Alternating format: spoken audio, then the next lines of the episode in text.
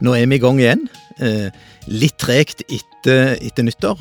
Vi var veldig effektive før, før jul, nå, men nå kommer vi i gang. Og vi har en god plan utover våren hvordan vi skal få Stavanger-politikken ut til dere som sitter og hører på. Og vi gleder oss til en politiske vår. Eh, så er det sånn at eh, nå før Altså i januar så hadde vi kommunestyre. Eh, vi snakket jo litt om kommunestyret før jul, hvor vi måtte utsette, for vi klarte ikke helt å bli ferdige med alle, alle sakene. Eh, det måtte vi gjøre eh, første, eller 14. januar. Da hadde vi et nytt kommunestyre. De store sakene der dreide seg nok mye om denne situasjonen som er inne i forhold til korona. Det går igjen hele veien som et tema. Vi hadde faktisk en diskusjon om portforbud. Eh, det var jo en interessant diskusjon, for det går jo rett inn i eh, folk sitt hverdagsliv. Og, og har vi en kultur, har vi en historie som tilsier at, at portforbud er noe som vi skal gå inn på? Og så må en se det i lys av at det kanskje kan det komme en pandemi som er så alvorlig at ett av ti barn kanskje kan dø. Så det er veldig alvorlige ting vi snakker om, og dette skal jo da kommunestyret ta stilling til. Så det var én sak som jeg bare hadde lyst til å informere litt om, og så hadde jeg selv en interpellasjon som gikk på dette med, med reiselivsbedrifter og restauranter i Stavanger. Og det var jo politikere, blant annet Mimir, som sa at nå er det veldig bra at KrF for en gang skulle lufte glasset for restaurantbransjen i Stavanger. Og det skal vi gjøre, for vi vet at de er der, og vi ønsker at de skal overleve og komme ut av denne krisen.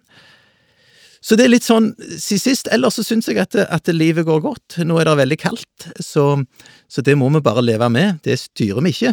Det kan vi gjerne håpe at vi kunne gjort, men vi gjør nok ikke det. Og så, hva tenker, hva tenker Marie? Hva tenker Marie? Er du Eller du, ville du si nei, noe? Nei, nei, jeg ville bare si raskt, du. Kom igjen, Nei, men jeg syns bare det at faktisk dette fine været, det var skikkelig en sann velsignelse for oss å få denne sola og denne snøen og kulden.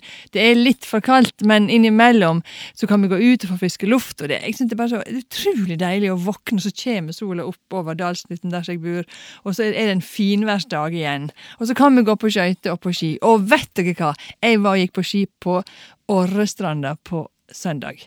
Og det var en helt salig opplevelse, enkelt og greit. Ja, det er nydelig. Og du, du Marie, du tror dette er litt styrt med dette været. Det sa du jo i går, at du mener at dette er noe vi får. Ja, rett og slett. Jeg tror vi er velsigna med godt vær i disse tider, når vi egentlig må være isolerte litt i, inne i husene våre. Så kommer vi oss ut og ser liv og røre. Jeg syns det er kjempekjekt. Det eneste som ikke er kjekt med det, det er det at det, det, er mye styr med mye dresser og vintersko og huer og vanter ja, det kjenner vi. når fire unger skal ut om morgenen. Eh, så det er det eneste. Men, men jeg klager ikke, for jeg eh, lar rett og slett sola komme helt inn i sjelen og kjenner jeg blir i godt humør. Og så har jeg òg, som den badeløva jeg er, vært i Suldal i forrige år og fått bade på badeland, så her er det bare altså. velstand. Men jeg må bare si, vet du hva, jeg var på Mosvannet på søndag, og det var en folkefest, faktisk. Og jeg fikk en sånn følelse av 17. mai, julaften og sommerferie på en gang.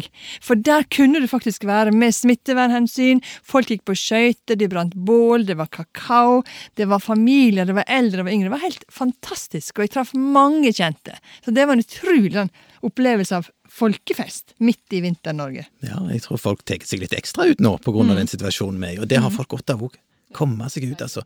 Treffe andre, og, og på litt avstand, selvfølgelig, og, og få frisk luft og alt det der.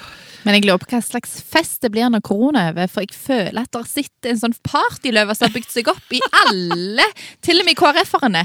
Så nå blir det liksom Ja, når, når korona er over, så tror jeg folk tar til gatene og feirer som om vi har vunnet ja, VM og alt i sammen. Jeg. Det kommer nok til å skje noe. Men dere, vi, vi, må ikke, vi må ikke tatles vekk, for vi har besøk i dag òg.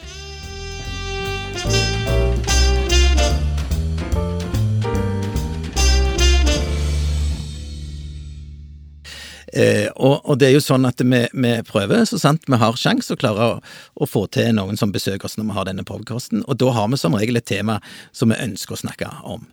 Og i dag har vi vært kjempeheldige. Vi har klart å fått med oss biskopen Annelise Ådnøy. Det, det syns vi er veldig flott, og det er jo da ikke uten grunn.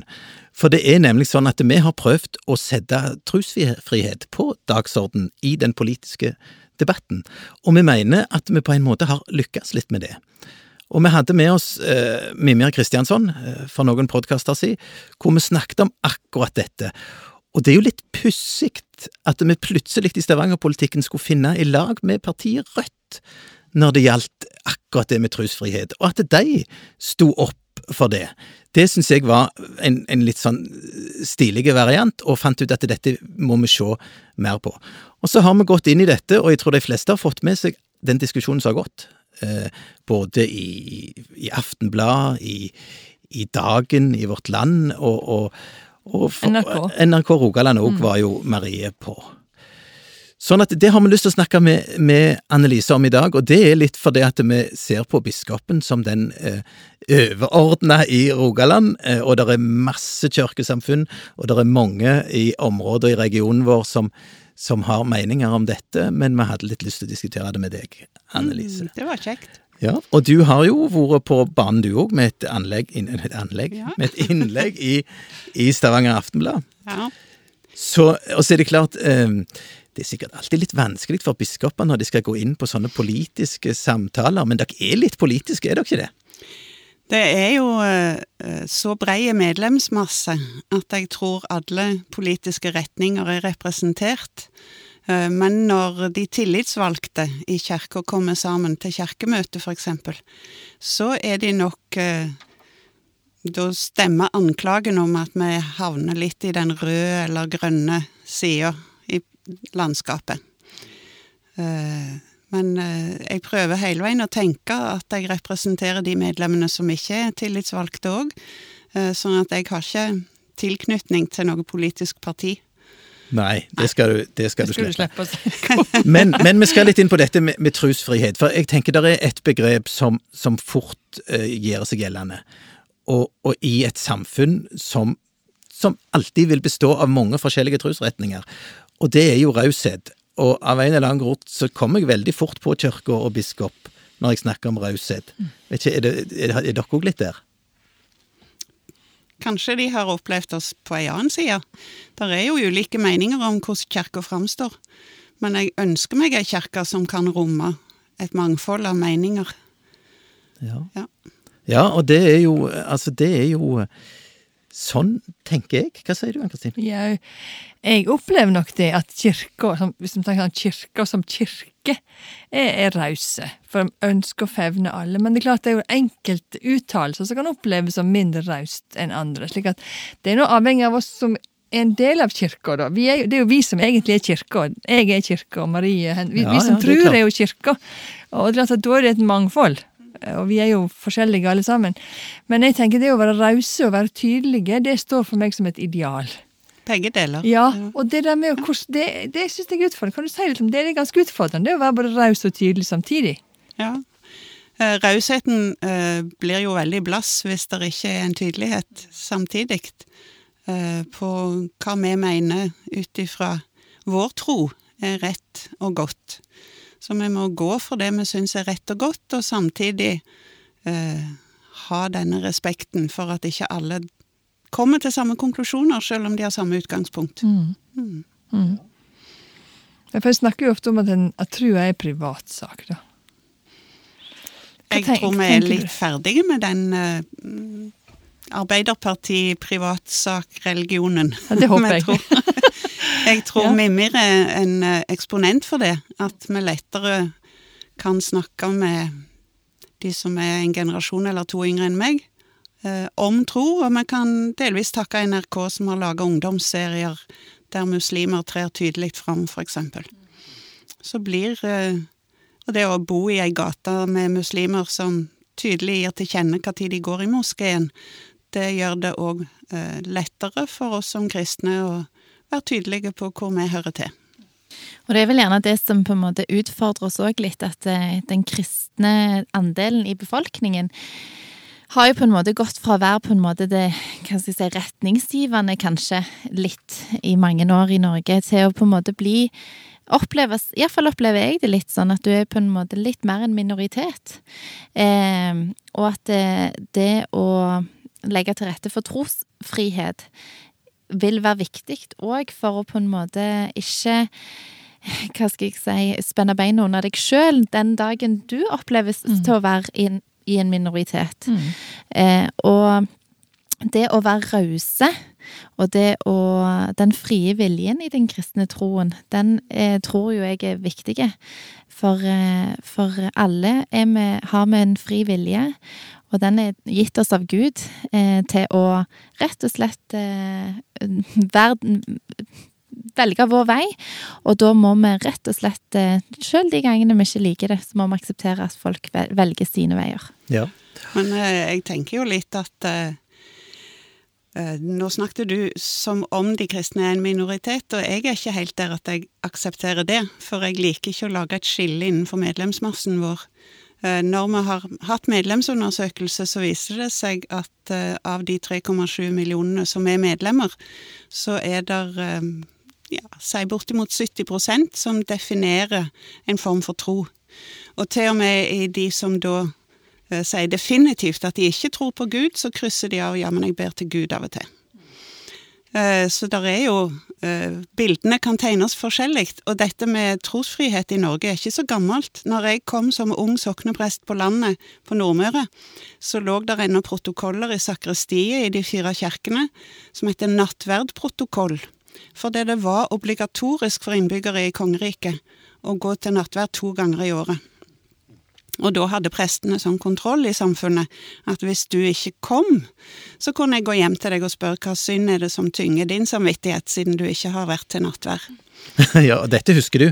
Ja, jeg husker protokollene, men de var jo ikke i bruk lenger. Nei, nei. Når jeg begynte. Jeg er nei. gammel, men ikke så gammel. Vi skal ikke gå inn på alderen. Nei, nei. Men jeg, kan ikke bare følge opp litt det du sier i forhold til det med at så, vi er 3,7 millioner, mm -hmm. og at uh, eh, 70% av de det, det, er jo et veldig opp, oppmuntrende tall, da, mm. som vi kanskje må snakke enda mer om. Mm. Det tror jeg at vi skal øve oss i å snakke om, med en raushet som helt tydelig gir til kjenne at vi er forskjellige. Mm. Ja.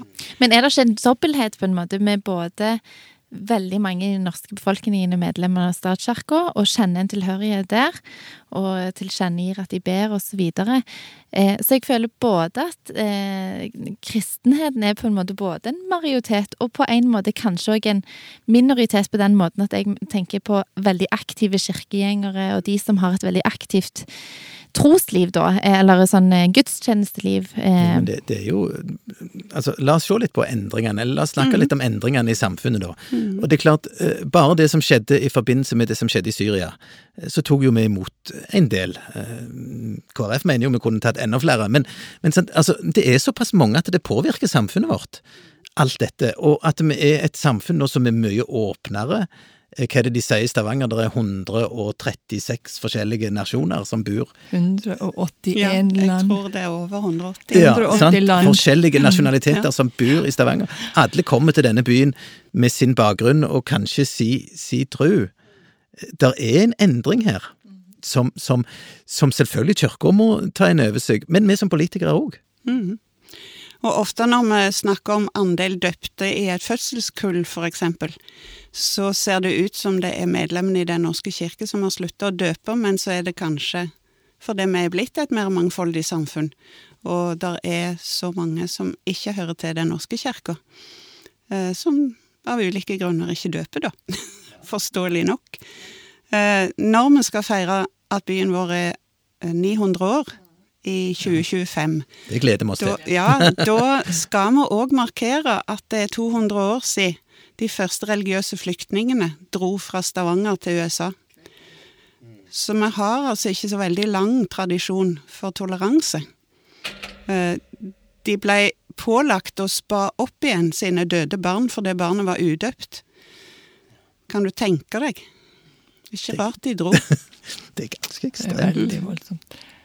Men det er jo også mange av de som kommer til landet vårt som har ei tru, og som er kristne. Ja, altså veldig mange, stor andel. Stor andel, og jeg hørte nettopp at det var over 600 000 av flyktningene som kommer til Norge, har ei kristen tru. Mm. Generelt. Og det også er jo en viktig tilførsel til vårt mangfoldige samfunn. Det er det. Mm. Det er jo ikke Ja. Og kanskje i første generasjon så er det naturlig at de danner sine egne menigheter, men vi jobber bevisst. Eh, med mangfoldstenkning i Den norske kirke for å legge til rette for eh, i hvert fall søstermenigheter. Vi trenger ikke innlemme de i den lutherske tro og lære nødvendigvis, men, men eh, å se på hverandre som søsterkirker. Mm. Og så har jeg litt lyst til å snakke litt om det, kall det gjerne kirkerommet.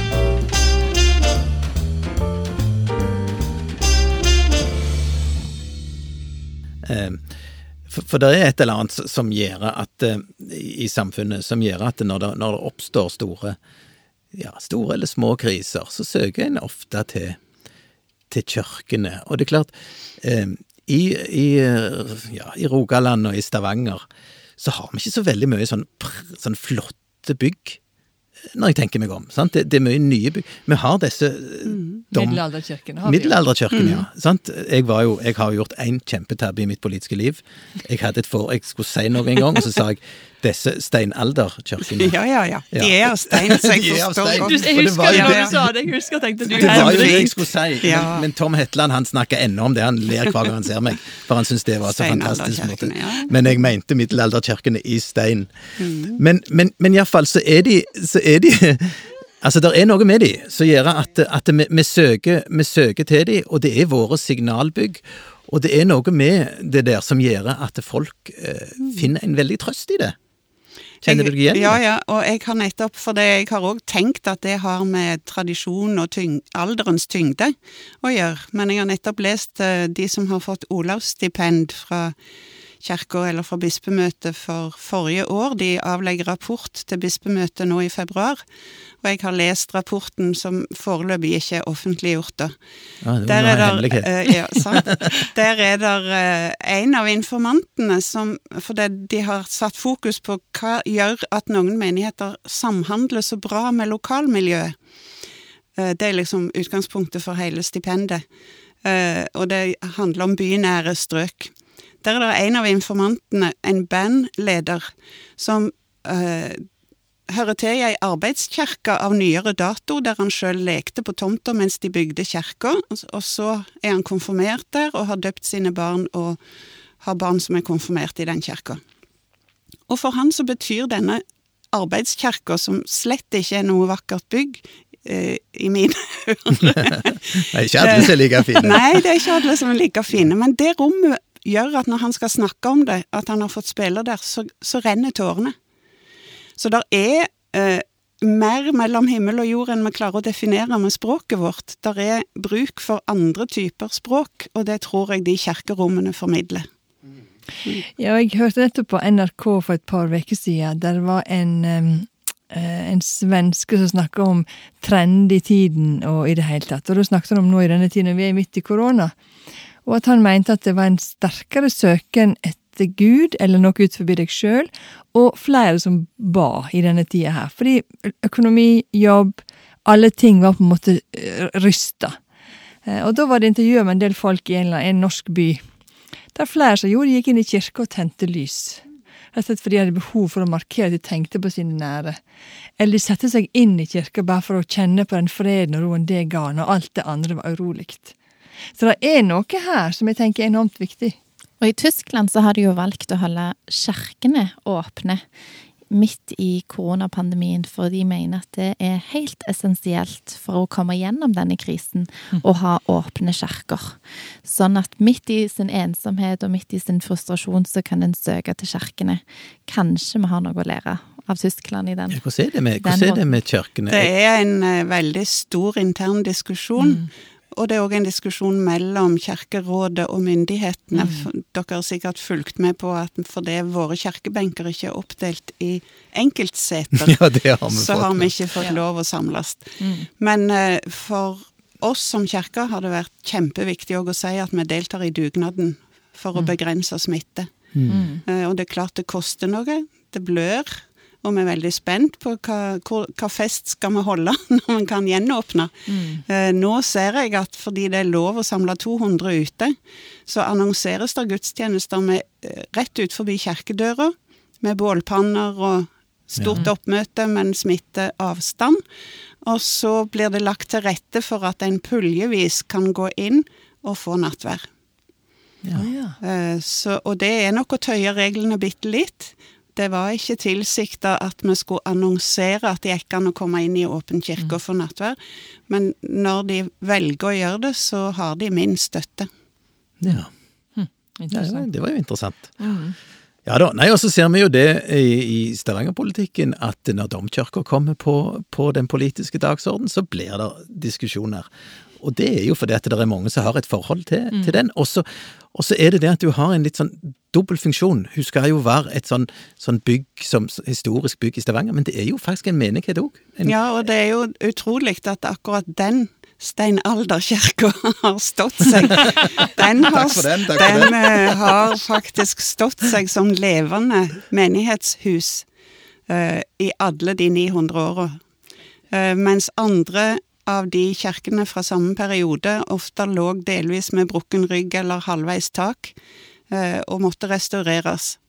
eh, Og nesten bygges på ny. Så har akkurat dette bygget klart å holde troslivet levende. Det har stått den av, for å si det sånn. Ja. Og det er vel sånn Jeg hørte iallfall når jeg var på en sånn omvisning i domkirka med noen venner, som vi tok dertil, at det har vært gudstjeneste, feira gudstjeneste i domkirka gjennomgående i alle tider, eh, hver søndag, eh, helt siden den sto ferdig. Det har nok vært perioder der de har vært nødt til å stenge. Jeg husker en periode der de hadde sine gudstjenester i menighetshuset. Ja, Men at menigheten på en måte Ja, har mm. hele tiden samles som hører, Mm. hører til. Og det er jo veldig, veldig Det er betryggende å tenke på. Jeg liker alltid å tenke på at jeg er liten i historien. Og det lille vedet jeg har fått i denne lille perioden, det må jeg bruke så godt jeg kan, men det er ingenting som er avhengig av meg.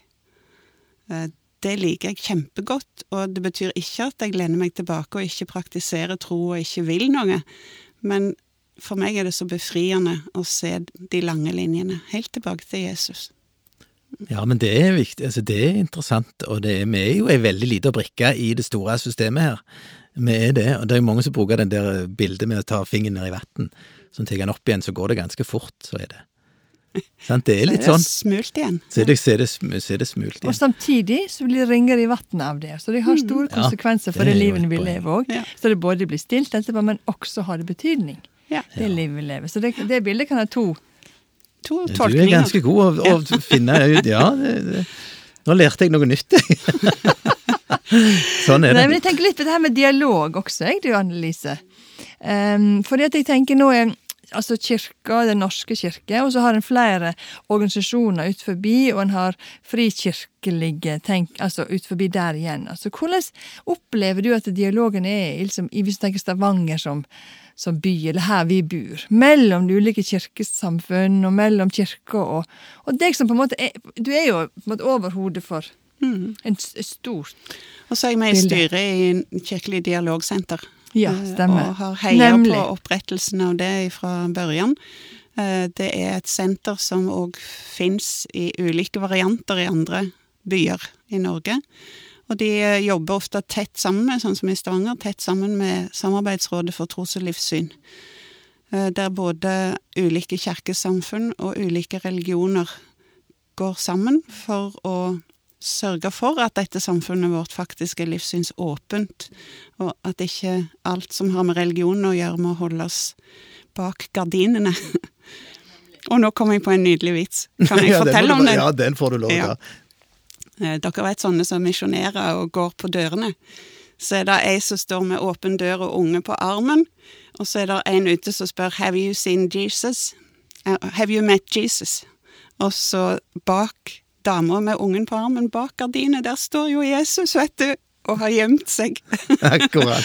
Så du får ikke med hva hun svarer, men du ser at Jesus har gjemt seg. og det tenker jeg kan være et Ja. bilde på sånn som mange i Norge har det med trosspørsmål.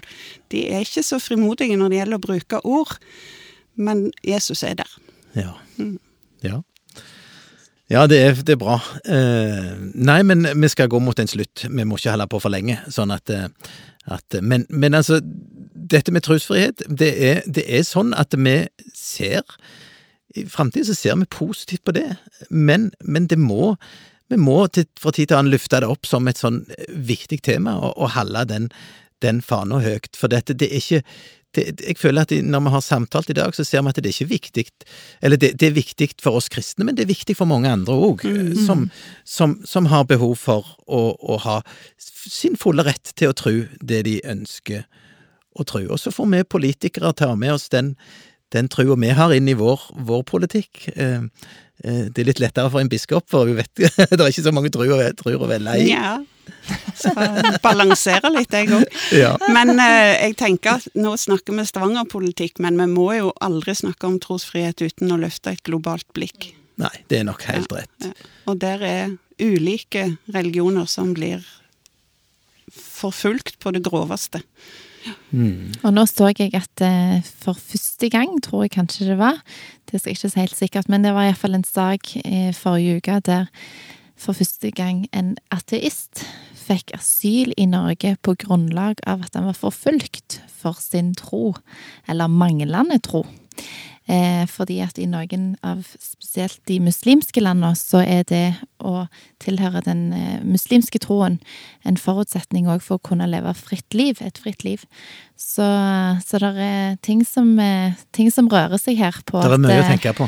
Men du, har du et sånt liksom, avsluttende kommentar, du, Annelise, i forhold til dette med trosfridom og oss som politikere, og hvordan skal vi forholde oss til alt dette? For det kan jo av og til være ganske vanskelig å sjonglere her. Du er ute etter liksom, noen sånn visdomsord. Ja, det er visdomsord, jo vi må mest jo. å forberede Ja, ja, ja.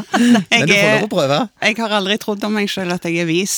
Jo, det er du. Er du meg. Oi, men jeg eh, tenker nok at eh, som politikere så må en legge til rette for mangfoldet. Jeg er litt skremt av det, nå vet jeg at jeg trør i et farlig vann, eh, av eh, familier som ut ifra religiøs tilknytning velger privatskoler istedenfor offentlig skole. Jeg tror vi trenger en sterk offentlig arena der vi deler tro og tanker.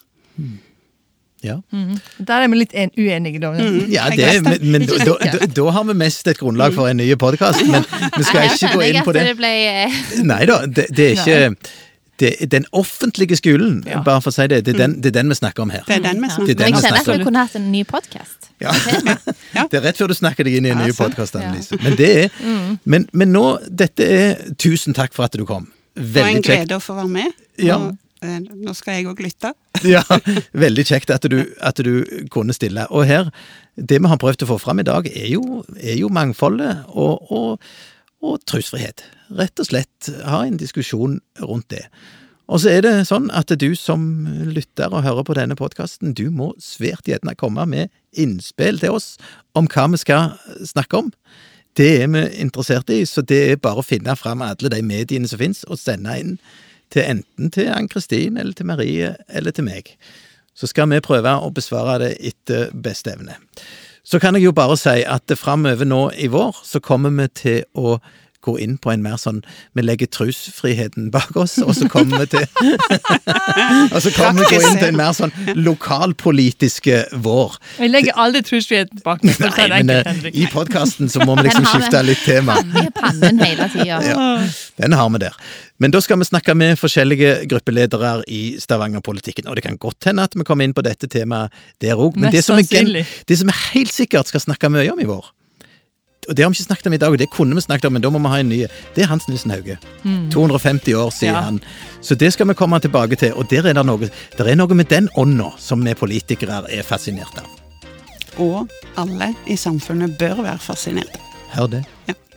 Annelise må snart tilbake. Vi snakkes. Ha det bra. Ha det. Ha det.